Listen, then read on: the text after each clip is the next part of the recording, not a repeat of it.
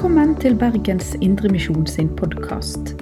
For mer informasjon om oss, besøk oss på betlehem.no, eller finn oss på Facebook og Instagram der som Bergens Indremisjon.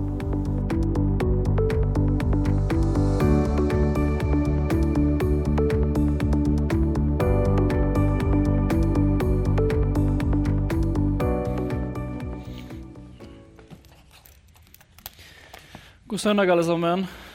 Var, Ole Abel var litt usikker på om jeg kom eh, på talerstol i dag.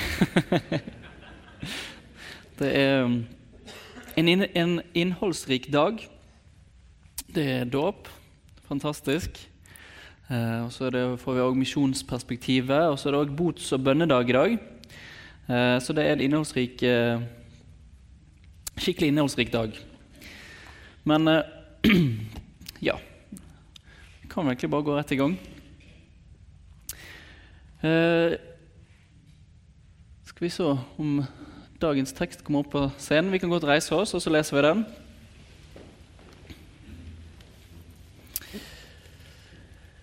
Vi leser Jesu navn. Jesus sa, en mann hadde to sønner. Den yngste sa til faren, Far, gi meg den delen av formuen som faller på meg. Han skiftet da sin eiendom mellom dem.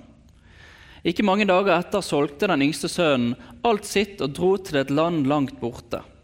Der sløste han bort formuen sin i et vilt liv. Men da han hadde satt alt over styr, kom det en svær hungersnød over landet, og han begynte å lide nød. Da gikk han og søkte tilhold hos en av innbyggerne der i landet, og mannen sendte ham ut på marken sin for å passe grisene. Han ønsket bare å mette seg med de belgfruktene som grisene åt og ingen ga ham noe. Men han kom til seg selv og sa, Hvor mange leiekarer hjemme hos min far har ikke mat i overflod? Mens jeg går her og sulter i hjel. Jeg vil bryte opp og gå til min far og si, Far, jeg har syndet mot himmelen og mot deg. Jeg fortjener ikke lenger å være sønnen din, men la meg få være som en av leiekarene dine. Dermed brøt han opp og dro hjem til, til faren. Da ennå var langt borte, fikk faren se ham, og han fikk, se, han fikk inderlig medfølelse med ham.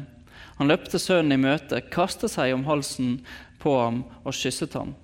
Sønnen sa, 'Far, jeg har syndet mot himmel og mot deg. Jeg fortjener ikke lenger å være sønnen din.' Men faren sa til tjenerne sine, 'Skynd dere, finn fram de fineste klærne og ta, eh, ta, ta dem på ham.' Gi ham ring på fingeren og sko på føttene. Hent gjøkalven og slakt den, og vi vil spise og holde fest. For denne sønnen min var død og har blitt levende. Han var kommet bort og er funnet igjen. Så begynte festen og gleden. Imens var den eldste sønnen ute på marken. Da han gikk hjemover og nærmet seg gården, hørte han spill og dans. Han ropte på en av karene og spurte hva som var på ferde.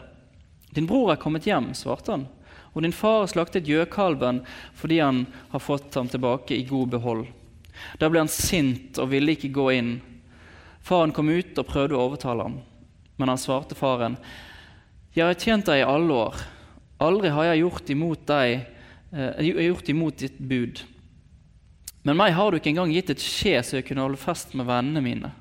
'Men straks denne sønnen din kommer hjem, han som har sløst bort pengene dine med horer, da slakter du gjøkalven for ham.' Faren sa til han, 'Barnet mitt, du er alltid hos meg, og alt mitt er ditt. Men nå må vi holde fast og være glade, for denne broren din var død og er blitt levende. Han var kommet bort og er funnet igjen.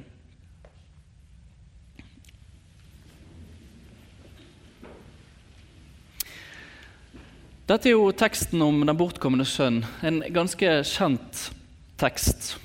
Eller som han heter i 2011, 'Sønnen som kom hjem'. Og Den teksten her finner vi i et veldig spesielt kapittel, kapittel 15. Eh, og Den forstås veldig greit i lys av kapittelet før. Eh, kapittel 14 så kommer Jesus med en rekke formaninger. Og så avslutter han eh, dette, eller dette kapittelet avsluttes. Den som har ører å høre med, hør. Det er da Jesus som sier. Og Så starter kapittel 15 med alle tollerne og synderne holdt seg nær til Jesus for å høre ham. Og Det har en dypere betydning enn å bare tilfeldigvis lytte til noen. Det å høre noen, det er å virkelig lytte til dem og ta imot det de har å si i denne sammenhengen. Og Så står det videre at fariseerne og de skriftlærde de var eh, ikke helt der. Det står at de murrer seg imellom og sier denne mannen tar imot syndere og spiser sammen med de. Så Det er jo kritikken fariseerne og skriftlærere retter mot Jesus her. Og så er dette med matfellesskap jo det de tar opp. Da. Og matfellesskap i denne kulturen, det er, da er det fellesskap. Da eh, anerkjenner man hverandre på et vis. Men de syns det er en skam. Og så I videre kapittelet så følger kommer Jesus med tre lignelser som et svar på det, denne kritikken som fariseerne og de skriftlærde retter. Og Den siste av disse eh, tre lignelsene det er fortellingen om den bortkomne sønnen. Ja, og den begynner jo med Det er en mann som har to sønner. Og så sier han, 'Far, gi meg en del av formuen som faller på meg.' Og faren gjør det. Så tar han, får han eiendommen sin, og så går han straks i gang med å selge unna alt. Og så drar han til et langt, land langt borte. Så forteller ikke denne lignelsen så mye om denne mannen. Men vi kan anta at han kanskje er en, en ung mann. Helt klart en eventyrlysten mann som nå vil dra ut på det som kommer til å bli en ganske så katastrofal reise for han sjøl. En reise som skal ende opp i et vilt liv. Og Det er liv i utskeielser, i fråtseri, et seksuelt utsvevende liv, et liv i gambling, stolthet og sjalusi. Så det er, det er ingen tvil her. Denne mannen han er en synder. Så kan jeg kjenne, og kanskje noen av dere òg kjenner, at jeg klarer ikke helt alltid å liksom identifisere meg med han her. Um, det er så voldsomt. Ta ut arven og så liksom selge unna alt, dra vekk og så bare leve et vilt liv.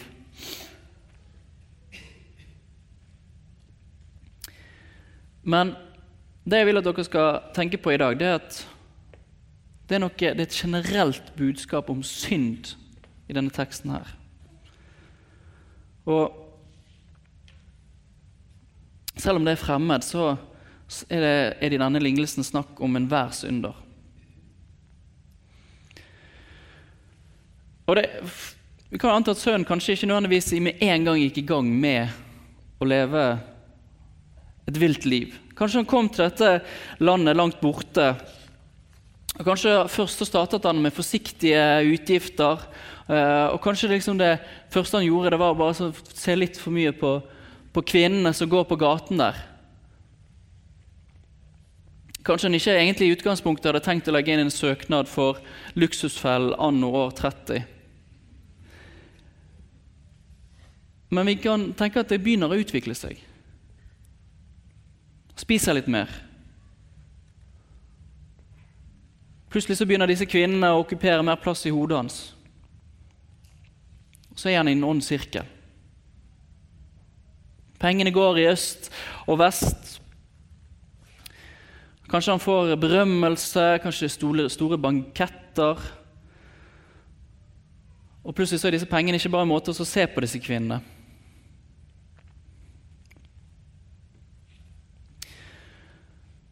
Og I dette ville livet så blir det uoversiktlig hvor mange bud han har brutt, eller hvor mange ganger han har brutt de. Det er et liv i egoisme, tror vi kan anta, eh, i lys av at han bruker masse penger, men til slutt så har han ingen. Han har ikke skapt sammen så mye goodwill eh, der han nå bor.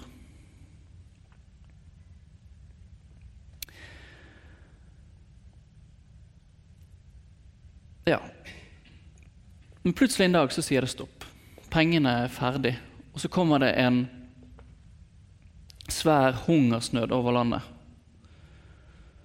Og der mannen før levde et vilt liv hvor pengene fløt ut, så begynner han nå å lide nød. Han er avslørt. Livet hans er avslørt. Og Så tilbake til poenget med at dette kan virke fremmed for oss. Eh, så tror jeg vi må passe på at ikke vi sjøl ser, ja, ser oss sjøl i denne mannen. For det er sånn synd fungerer i alles liv. Det kan starte de små. En liten løgn, en lite besøk på Internett der man ikke skal være, eller hva det måtte være. Synd er ikke et objekt vi kan bare plukke opp og så legger vi ned. Det er noe som jakter etter oss og ønsker å få makt over oss. Vi leser i Første Mosebok 4,7.: Hvis du vil gjøre det gode, kan du se opp men hvis du ikke vil gjøre det gode, ligger synd klar ved døren. Den ønsker makt over deg, men du skal herske over den.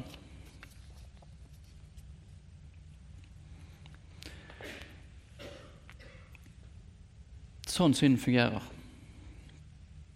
Og syndens lønn det er død og elendighet, og det er disse dødskreftene mannen nå kjenner på. Og Det er så viktig at vi ikke tenker at vi er så mye bedre enn denne mannen. Som ikke det er vår menneskelige natur òg har anlegget til å gjøre ja, gjøre synd. Det er All synd i våre liv er like alvorlig, kanskje selv om man er bedre organisert eller mindre synlig. Men det som er godt i denne historien, det er at denne mannen får lov til å kjenne den totale tomheten av synd. Han har kastet bort alt. Og Plutselig så står han der på et jorde med griser. Og det er liksom for, I denne fortellingen så bare er det Det er så ekstremt. det. Griser det var liksom fydyret nummer én for eh, israelittene. Men der er han, og det eneste han ønsker, er å få mette mettet seg på disse belgfruktene.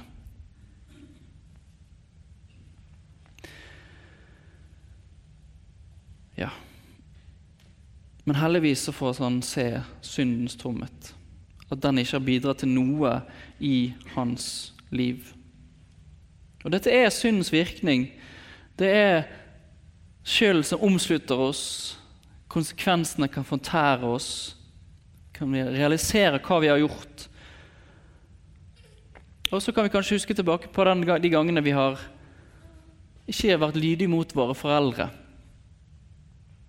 Ikke lyttet på rettledning. Ikke forstå hva de beskytter oss mot. Og Så med skam og skyld så returnerer vi tilbake til foreldre. Um, og det er det stadiet han har kommet til nå, denne mannen. Ja da, De kommer sikkert til å være rasende når de får høre om alt, men hva er alternativet? Vi leser at han kommer til seg sjøl. Hvor mange leiekarer hjemme hos min far har ikke mat i overflod, mens jeg går her og sulter i hjel? Jeg vil bryte opp og gå til min far. Far, jeg har syndet mot himmel og mot deg. Jeg fortjener ikke å være sønnen din, men la meg få være som en av leiekarene dine. Og Vi skjønner at sønnen han er inne på noe. Han har forstått at han er en, han er en synder. Han har syndet mot himmelen og mot faren. Men han har kanskje ikke forstått alt. For han gir seg sjøl en løsning. Kanskje jeg kan gi noe tilbake. Tilgi meg, Gud, jeg lover å gjøre det bedre. Det er jo en sann og riktig synsbekjennelse. Eller er det det? Det er jo ikke det som er en synsbekjennelse. Det er en erkjennelse av tingenes tilstand, men ingen synsbekjennelse. Vi leser i Galaterbrevet kapittel 4 om loven som er vår vokter. En læremester, en lærer, en pedagogos det er noe, Jeg vet ikke om jeg helt uttrykker det riktig på gresken. Men poenget er uansett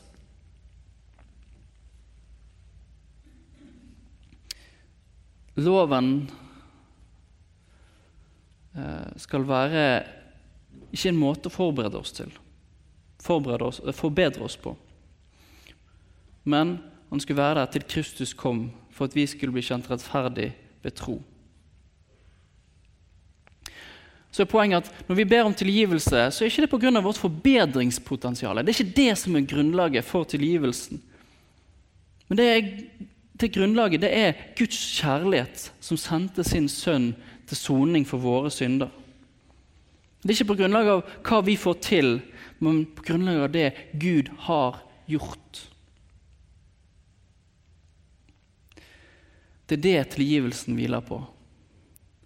Ikke dine gjerninger, men Guds gjerninger.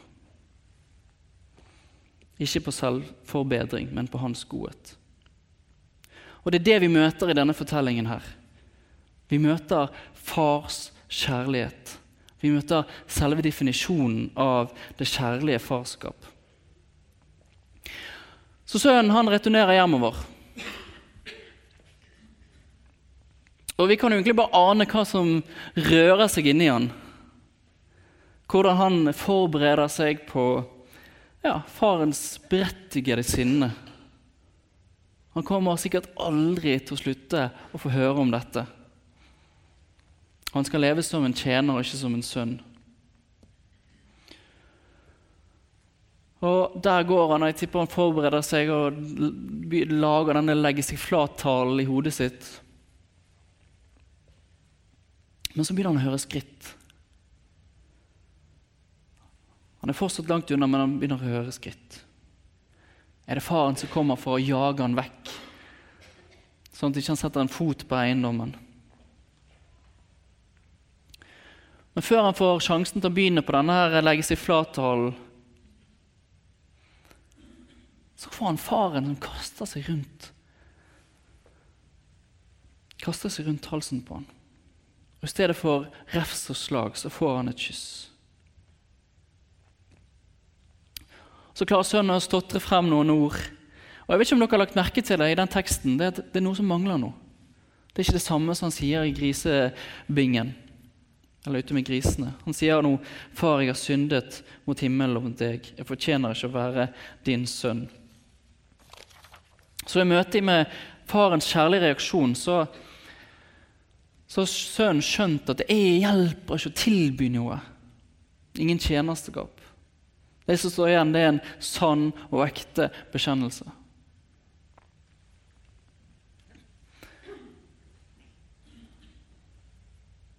Og i denne lignelsen så er jo faren Gud.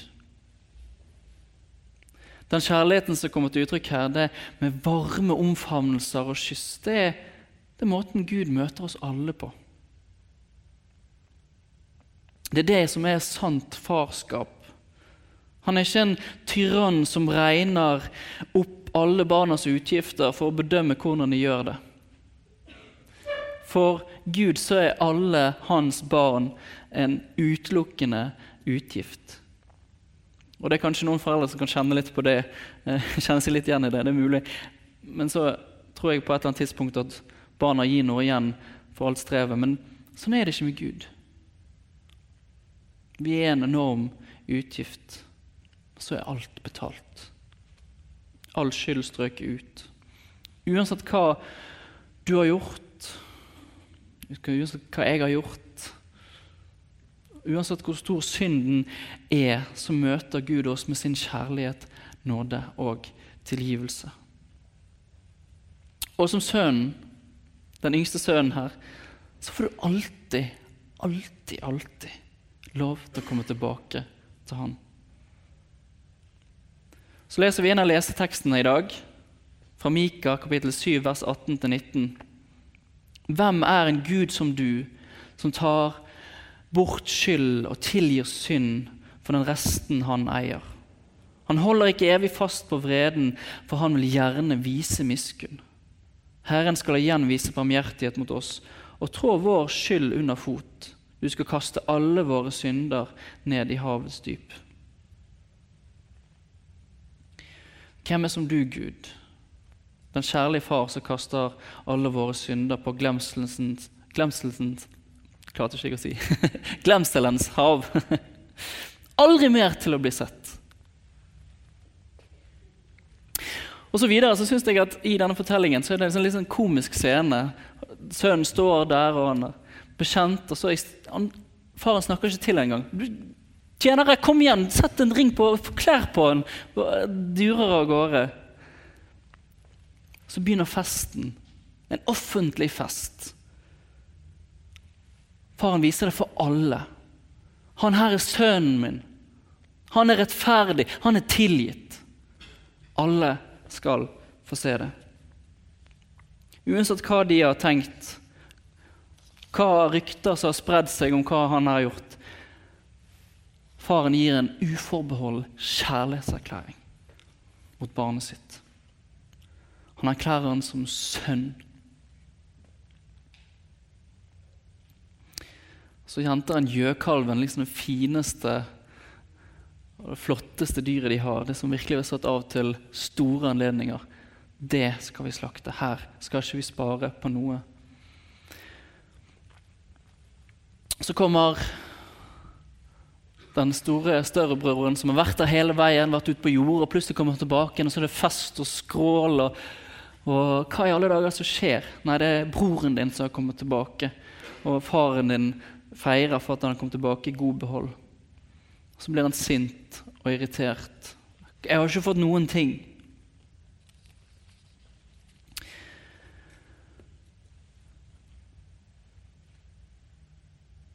Men faren svarer, 'Barnet mitt, du er alltid hos meg.' 'Og alt mitt er ditt, men nå må vi holde fest og være glade.' 'For broren din var død og har blitt levende. Han har kommet bort og har funnet igjen.'